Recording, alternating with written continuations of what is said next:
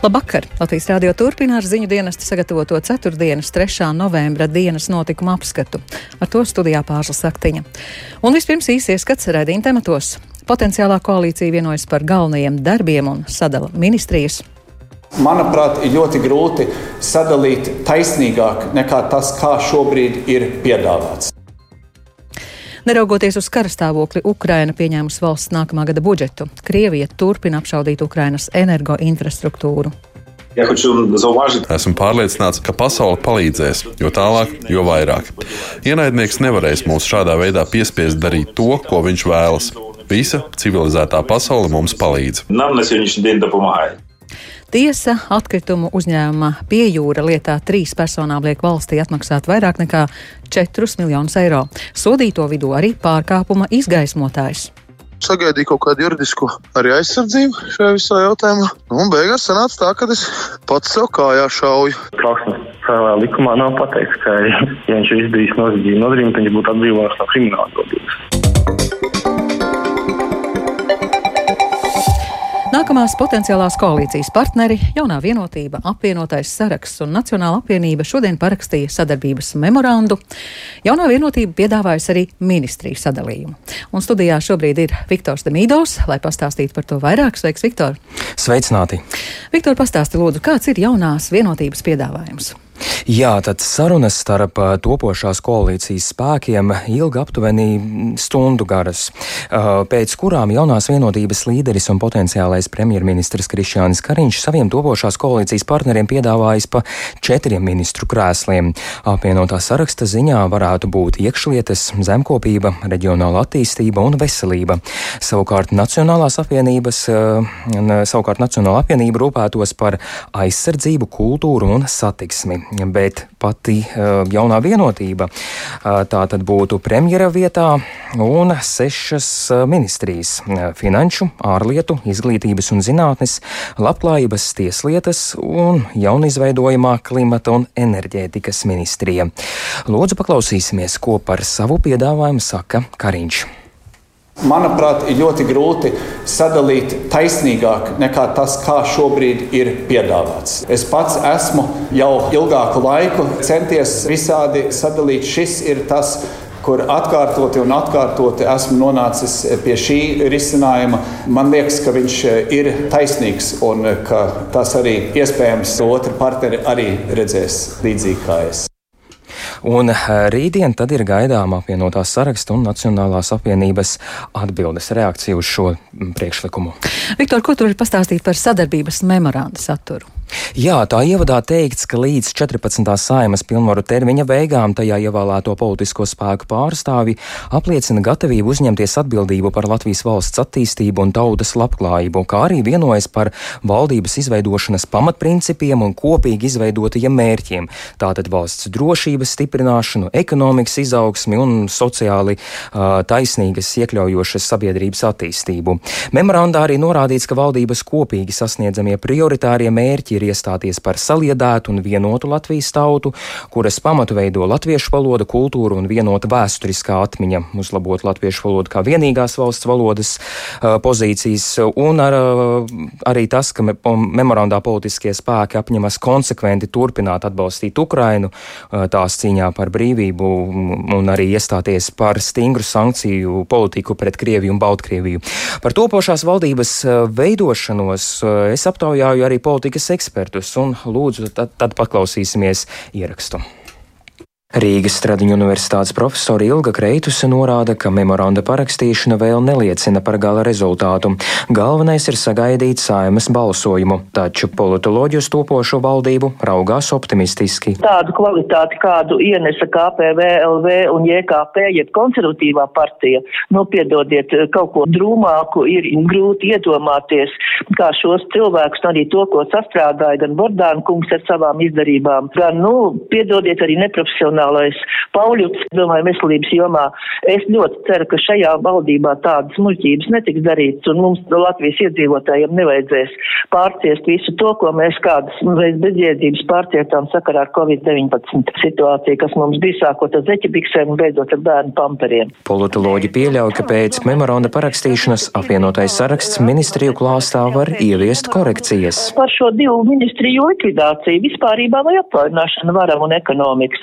Vai arī otrādi pievērsties tieši tam, ko viņi runāja par šīm reģionālajām reformas pārskatīšanu. Tuvojās vispirms Eiropa parlamenta vēlēšanas un nav nemaz tik tālu jaunās pašvaldību vēlēšanas. Un tāpēc, lai spērtu nākamo soli, tas fundaments jau ir jāieliek tagad. Uz šo triju spēku topošo valdību pozitīvi raugās arī bijušais premjerministrs Māris Gailis, vienlaikus norādot, ka šajā trijotnē tā saucamais melnais zirdziņš ir apvienotais saraksts, kura rīcība ir mazāk paredzama. Kaut kāda brīnuma var būt, varbūt atkal kāds lec no tās apvienotās sarakstā ārā, kā jau tas bija iepriekš. Nu, nekas, tā nav nekāda problēma. Varbūt no kādas citas frakcijas pienāks kāds klāt. Es domāju, ka viņi var stabili strādāt. Apvienotais saraksts, manuprāt, turēsies kopā. Es runāju tikai par kaut kādām atsevišķām personām var būt. Es domāju, ka nākošā valdība būs stiprāka. Politologs un sabiedrisko attiecību aģentūras mediju tilts līdzīpašnieks Filips Rajevskis atzīmē, ka salīdzinot ar iepriekšējo parlamentu, šajā sasaukumā potenciālās koalīciju veidojošās partijas ir kļuvušas spēcīgākas. Dēļ arī tā spēka būs arī šo politisko spēku iekšējā ietekme valdībā lielāka. Es domāju, būs arī līdz ar to vieglāk pieņemt lēmumus tādus, kuros ir kaut kādas savstarpējas diskusijas nepieciešams. Šeit būs daudz precīzāk saprotama tā situācija nekā ar tām piecu partiju koalīcijā. Līdz ar to arī visi pārējie politiskie spēki, viņi viens otru respektēs vairāk. Viktors Demidovs, Latvijas radio. Nākamgad Eirozonā sagaidāma recesija, bet ar to nepietiks, lai nomierinātu inflāciju. Šādu nākotnes scenāriju ekonomikā šodien iezīmēja Eiropas finanšu sektora līderi, kuri pulcējās Latvijas bankas simtgadēju veltītajā konferencē. Un plašāk Linda Zalāns ierakstā. Today, the global economy and euro area face the challenge of high inflation, which is a true test Latvijas bankas prezidents Mārtiņš Kazāks šodien Latvijas bankas rīkotajā konferencē uzsvēra, ka pat labāk globālā ekonomika un eirozona saskaras ar augstu inflāciju, kas ir vērā ņemams pārbaudījums.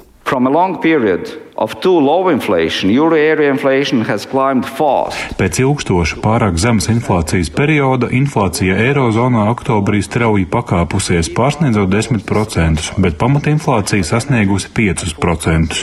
To galvenokārt nosaka piedāvājuma puse, īpaši enerģijas un pārtikas cenu kāpums Krievijas kara Ukrainā ietekmē, taču arī pieprasījuma puses ietekme pieaug, vēl ar vien jūtama pandēmijas laikā sniegtā fiskālā atbalsta ietekme. Darba tirgi ir spēcīgi un algu spiediens nemazinās. Dažos gadījumos drīzāk gluži otrādi.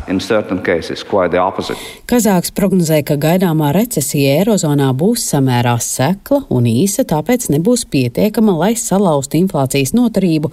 Līdz ar to monetārajai politikai jākļūst ar vien stingrākai. Un viņa prāt jau tagad ir skaidrs, ka procentu likmes būs jāceļ vēl daudz augstāk, lai nodrošinātu inflācijas atgriešanos 2% līmenī. Arī Eiropas centrālās bankas prezidente Kristīna Lagarde ir vienās domās ar Kazāku, ka 2023. gadā Eirozonā sagaidāma recesija, bet ar to nepietiks, lai nomierinātu inflāciju. Eiropas centrālās bankas mērķis ir sasniegt 2% inflāciju, un Lagarde teica, ka, lai to izdarītu, pirmkārt ir jāaptur jebkādi pasākumi, kas stimulē pieprasījumu, un centrālā banka vairs nedrīkst stimulēt tirgu, kā tas bija Covid-19 pandēmijas laikā. America. Mēs jau 2021. gada jūlijā nolēmām, ka ir kritiski svarīgi fokusēties uz cenu stabilitāti, un mēs to arī darīsim. Eiropas centrālā banka izmantos visus tai pieejamos instrumentus, lai sasniegtu mērķi. Mēs varam būt ļoti radoši. Katrā sēdē lemsim, kas ir labākais veids, lai sasniegtu 2% inflācijas mērķi. Pat laba inflācija Eirozonā Eirozonā nu jau ir virs 10%, bet Latvijā un Baltijas valstīs kopumā tā ir augstākā Eiropas Savienībā. Eiropas komisijas priekšsēdētājs izpildu vietnieks Valdis Dombrovskis uzsver, ka Baltijas valstis ir mazas, līdz ar to visi satricinājumi ekonomikā to datos atspoguļojas daudz ātrāk nekā lielākās bloka zemes. Plus, protams, Latvija arī pārējiem Baltijas valstīm ir bijusi samērā liela energoatkarība no eh, Krievijas gāzes eh, piegādēm. Un, eh, līdz ar to šie faktori, gan augstās Krievijas gāzes cenas, gan arī šo alternatīvu meklēšana, kas šī gada laikā arī nebūtu nebija lēta, protams, ir ietekmējušas kopējo inflāciju. Tāpēc ir ļoti svarīgi, ka arī šī gada laikā valdība ir pieņēmusi daudz lēmumus par atbalstu iedzīvotājiem un uzņēmiem, lai šo ietekmi mazinātu. Domāju, ka šie pasākumi turpināsies arī nākošajā gadā. Nu, tas, ko mēs uzsveram no Eiropas komisijas puses, ir, ka ir svarīgi, lai šie pasākumi būtu mērķēti un laikā ierobežoti. Dombrovskis uzsver, ka kopumā ir jāvirzās uz piesardzīgāku fiskālo politiku, kas nav pretrunā Eiropas centrālās bankas pasākumiem, kas ierobežo inflāciju. Linda Zalāne, Latvijas radio. Neraugoties uz kara stāvokli, Ukrainas parlaments augstākā rada šodien pieņēma valsts nākamā gada budžetu. Tikmēr Krievija turpina apšaudīt Ukrainas energoapgādes infrastruktūru, taču valdība sola nodrošināt elektroenerģijas piegādi. Startautiskā atomenerģijas aģentūra paziņojusi, ka Ukrainas kodola objektos nav atrastas tā dēvēto netīro bumbu pēdas. Vairāk stāsta Ulis Tiesberis. Augstākā rada ar pārliecinošu balsu vairākumu apstiprināja Ukrainas budžetu 2023. gadam. Plānotie ieņēmumi ir 1,3 triljoni grivnu, jeb 36 miljardi eiro, bet izdevumi sasniegs 2,6 triljonus grivnu, jeb 72 miljardus eiro. Tas nozīmē, ka budžeta deficīts pārsniegs 20% no Ukrainas iekšzemes koprodukta un būs augstākais valsts vēsturē. Vairāk nekā triljonu grivnu, jeb 30 miljardus eiro nākamgad atvēlēs Ukrainas iekšējai un ārējai aizsardzībai. Savukārt Krievijas bruņotās agresijas seku likvidēšanai iezīmēti 35,5 miljardi grivnu, jeb 96 miljoni eiro. Visticamāk, ka daļu no šiem līdzekļiem izmantos, lai atjaunotu Krievijas raķešu un dronu nopostīto Ukrainas energoapgādes infrastruktūru. Ukrainas Nacionālās drošības un aizsardzības padomes vadītājs Oleksijs Danilovs sacīja, ka Krievija mēģina iznīcināt Ukrainas kritisko infrastruktūru, tāpēc visā valstī arī turpmāk regulāri būs elektroenerģijas piegādes traucējumi. Vēlos atzīmēt, ka šis ir karš un mums ir jābūt gataviem šādām lietām. Mēs gatavojāmies. Mūsu energosistēma ļoti nopietni gatavojās militārām operācijām, tostarp veicot rūpīgas pārbaudes. Ukraina jau iepriekš bija pieslēgusies Eiropas enerģētikas sistēmai, tāpēc steidzams nepieciešamības gadījumā mūsu valstī tiks sniegta palīdzība elektroenerģijas piegādē. Turklāt Ukraina strādā pie tā, lai iegūtu transformatorus, kā arī lielas stacijas, kas ražo elektroenerģiju. Esmu pārliecināts, ka pasaule palīdzēs, jo tālāk, jo vairāk. Ienaidnieks nevarēs mūs šādā veidā piespiest darīt to, ko viņš vēlas. Visa civilizētā pasaule mums palīdz. Frontē vissaspīlētākā situācija joprojām ir Donetskas apgabalā, kur Krievijas spēki ir pastiprinājuši savus uzbrukumus, paziņojuši Ukrainas bruņoties spēki. Iebrucēji turpinot uzbrukt gan Ukrainas aizstāvju pozīcijām, gan apdzīvotajām vietām. Bet Ukrainas bruņoto spēku virspavēlnieks Valērijas Zalužnīs apgalvo, ka Krievija astoņu mēnešu laikā Ukrainā ir zaudējusi divreiz vairāk kara lidmašīnu nekā Padomju Savienības karaspēks zaudēja desmit gadu ilgajā Afganistānas karā. Saskaņā ar viņa teikto, Krievija Ukrainā ir zaudējusi vismaz 278 lidmašīnas, bet Padomju karaspēks Afganistānā zaudēja 118 lidmašīnas. ANO drošības padome noraidījusi Krievijas ierosinājumu izmeklēt iespējamo ASV bioloģisko ieroču izstrādes programmu Ukrainā. Ierosinājumu atbalstīja tikai padomes pastāvīgās locekles Krievija un Ķīna, bet to noraidīja ASV, Lielbritānija un Francija. Desmit nepastāvīgās locekles balsojumā atturējās. Pēc balsojuma ASV vēstniece ANO Linda Tomasa Grīnfilda apsūdzēja Krieviju melu izplatīšanā.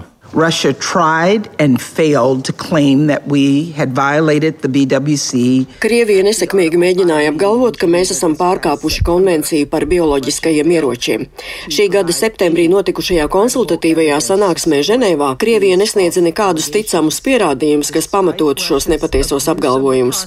Neraugoties uz to, ka Krievija ļaunprātīgi izmantoja šo procesu un tieši tāpēc, ka mēs ievērojam konvenciju par bioloģiskajiem ieročiem un tās noteikumus, Amerikas Savienotās valsts valstis un Ukraina Ženēvā izskatīja Krievijas apgalvojumus punktu pēc punkta un atspēkoja katru no tiem.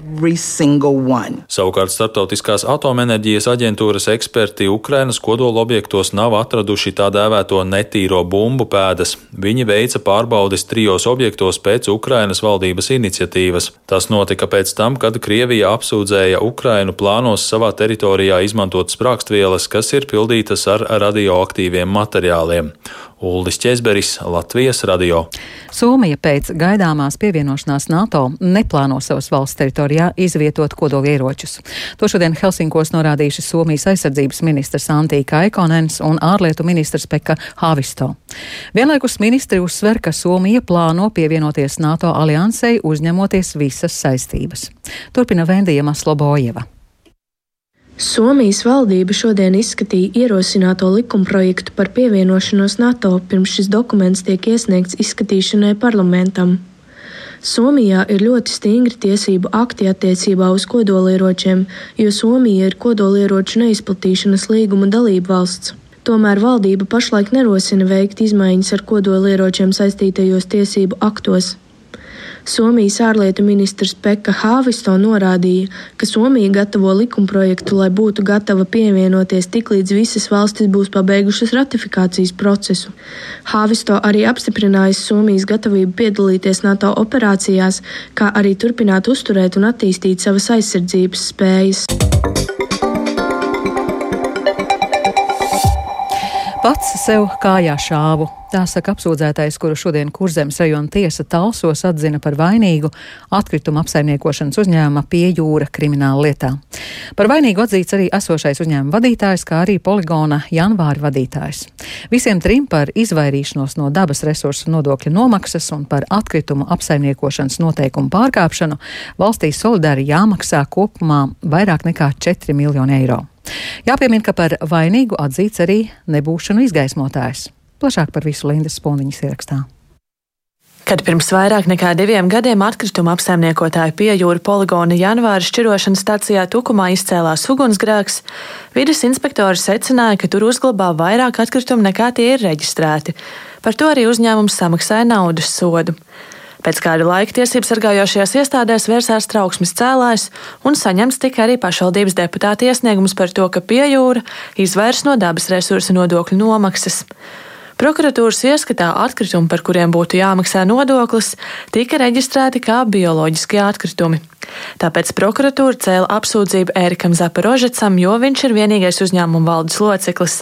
Savukārt poligona janvāra bijušais vadītājs Ingvars Lērks un viņa pēctecis Inārs Zaļums valsts apsūdzības ieskatā ir atbalstījuši Zaporožeca darbības.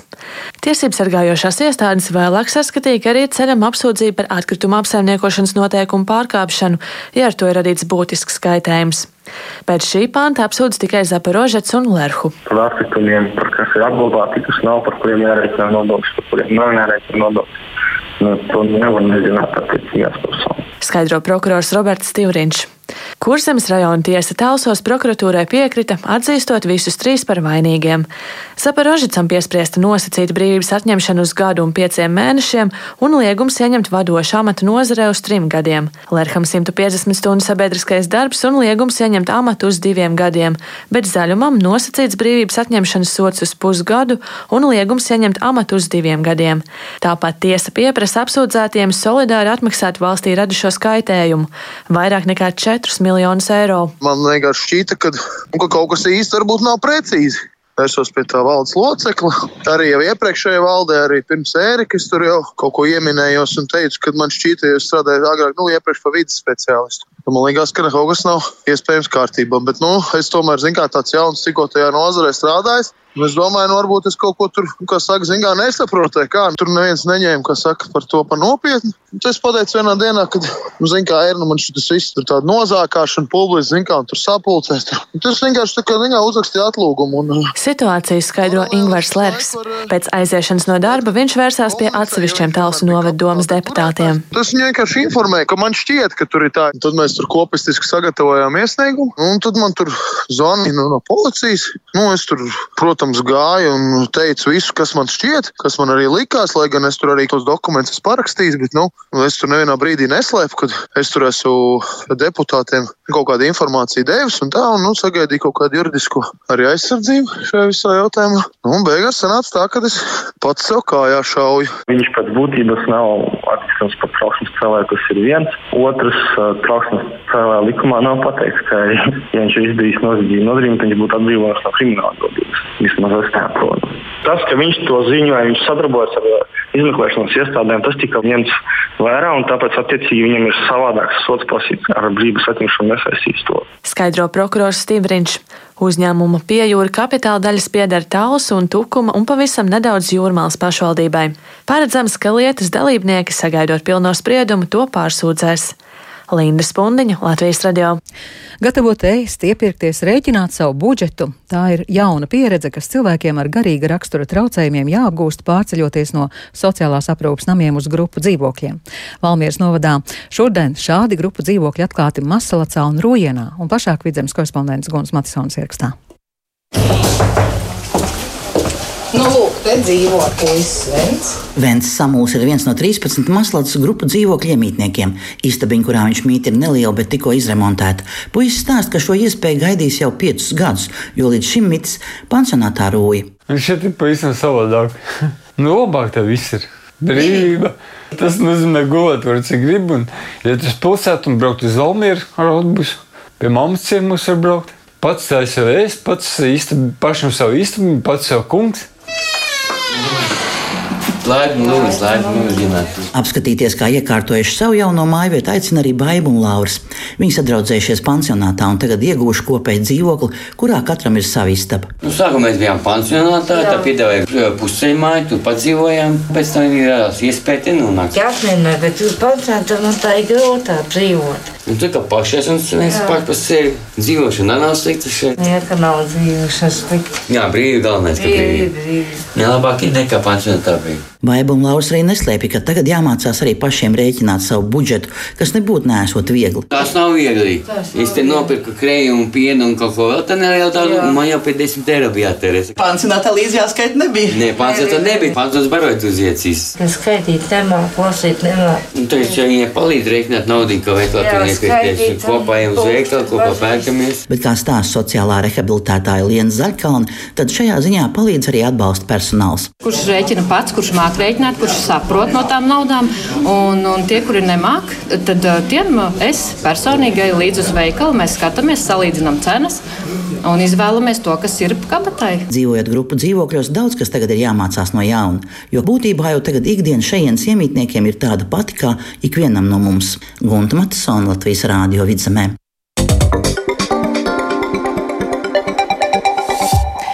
Pēc mēneša simtgadu apritējis Latvijas Nacionālajām baletam, kad operas namā būs krāšņs jubilejas galā koncerts, bet jubilejas mēnesi jau šo sestdienu ievadīs jauniestudējuma Serenāde Karmina Burana pirmizrāde. Skatītāji varēs novērtēt pašu populārāko leģendārā koreogrāfa Džordža Lančilī baletu Serenāde. Tā pamatā ir Pētera Čaikovska Serenāde stīgu orķestrim Domažorā, un pats Balančins to raksturojas kā deju mēnesi gaismā. To iestudējis, iestudējis Vikija Bromba. Blūmberga psihojosa, kura savulaik pati bija dejotāja Balančina vadītajā baleta trupā. Serenādei jauniestudējumā sekos balets Karmina Burāna, kura pamatā ir monumentālā Karla Orfa kantāte, kas ilustrē likteņa kaprīzēm pakļautos cilvēka dzīves līkločus. Iestudējums būs horeogrāfa Edvarda Kloga versija. Carmina Burana, in a way, it's very simple. Kantātes teksti ir lielā mērā provocējoši. Himniskums tajos mijas ar parupju humoru, mīlas un erotisko dzēju, bet mūzika ir maģiska un liek notrīsēt bijībā pret kantātē apdziedāto likteņa ratu. Es šo darbu izvēlējos slēgt ar apļa simbolu, kas atspoguļojas gan horeogrāfijā, gan vizuālajos risinājumos. No apļa nav iespējams izbēgt. Aplī sadzīvo vīrišķais un sievišķais pols, kas ik pa laikam satiekas, apvienojas un tad atkal atgriežas katrs savā dzīves orbītā. Tas ir kā tāds magnēts, kas mūs pievelk un atkal atgrūž, un man bija svarīgi šo domu uzsvērt savā darbā. Un ar to izskan dienas notikuma apskats. Producents Edgars Kupčs ierakstus montēja Renāša Steimans par labskaņu rūpējās Iveta Zvejniece, ar jums runāja Pārslas Saktiņa. Un svarīgākais īsumā - potenciālā koalīcija vienojas par galvenajiem darbiem un sadala ministrijas. Neraugoties uz kara stāvokli, Ukraina pieņem valsts nākamā gada budžetu, Krievija turpina apšaudīt Ukrainas energo infrastruktūru, un tiesa atkritumu uzņēmuma piejūra lietā trīs personām liek valstī atmaksāt vairāk nekā 4 miljonus eiro sodīto vidū arī pārkāpuma izgaismotājs. yeah.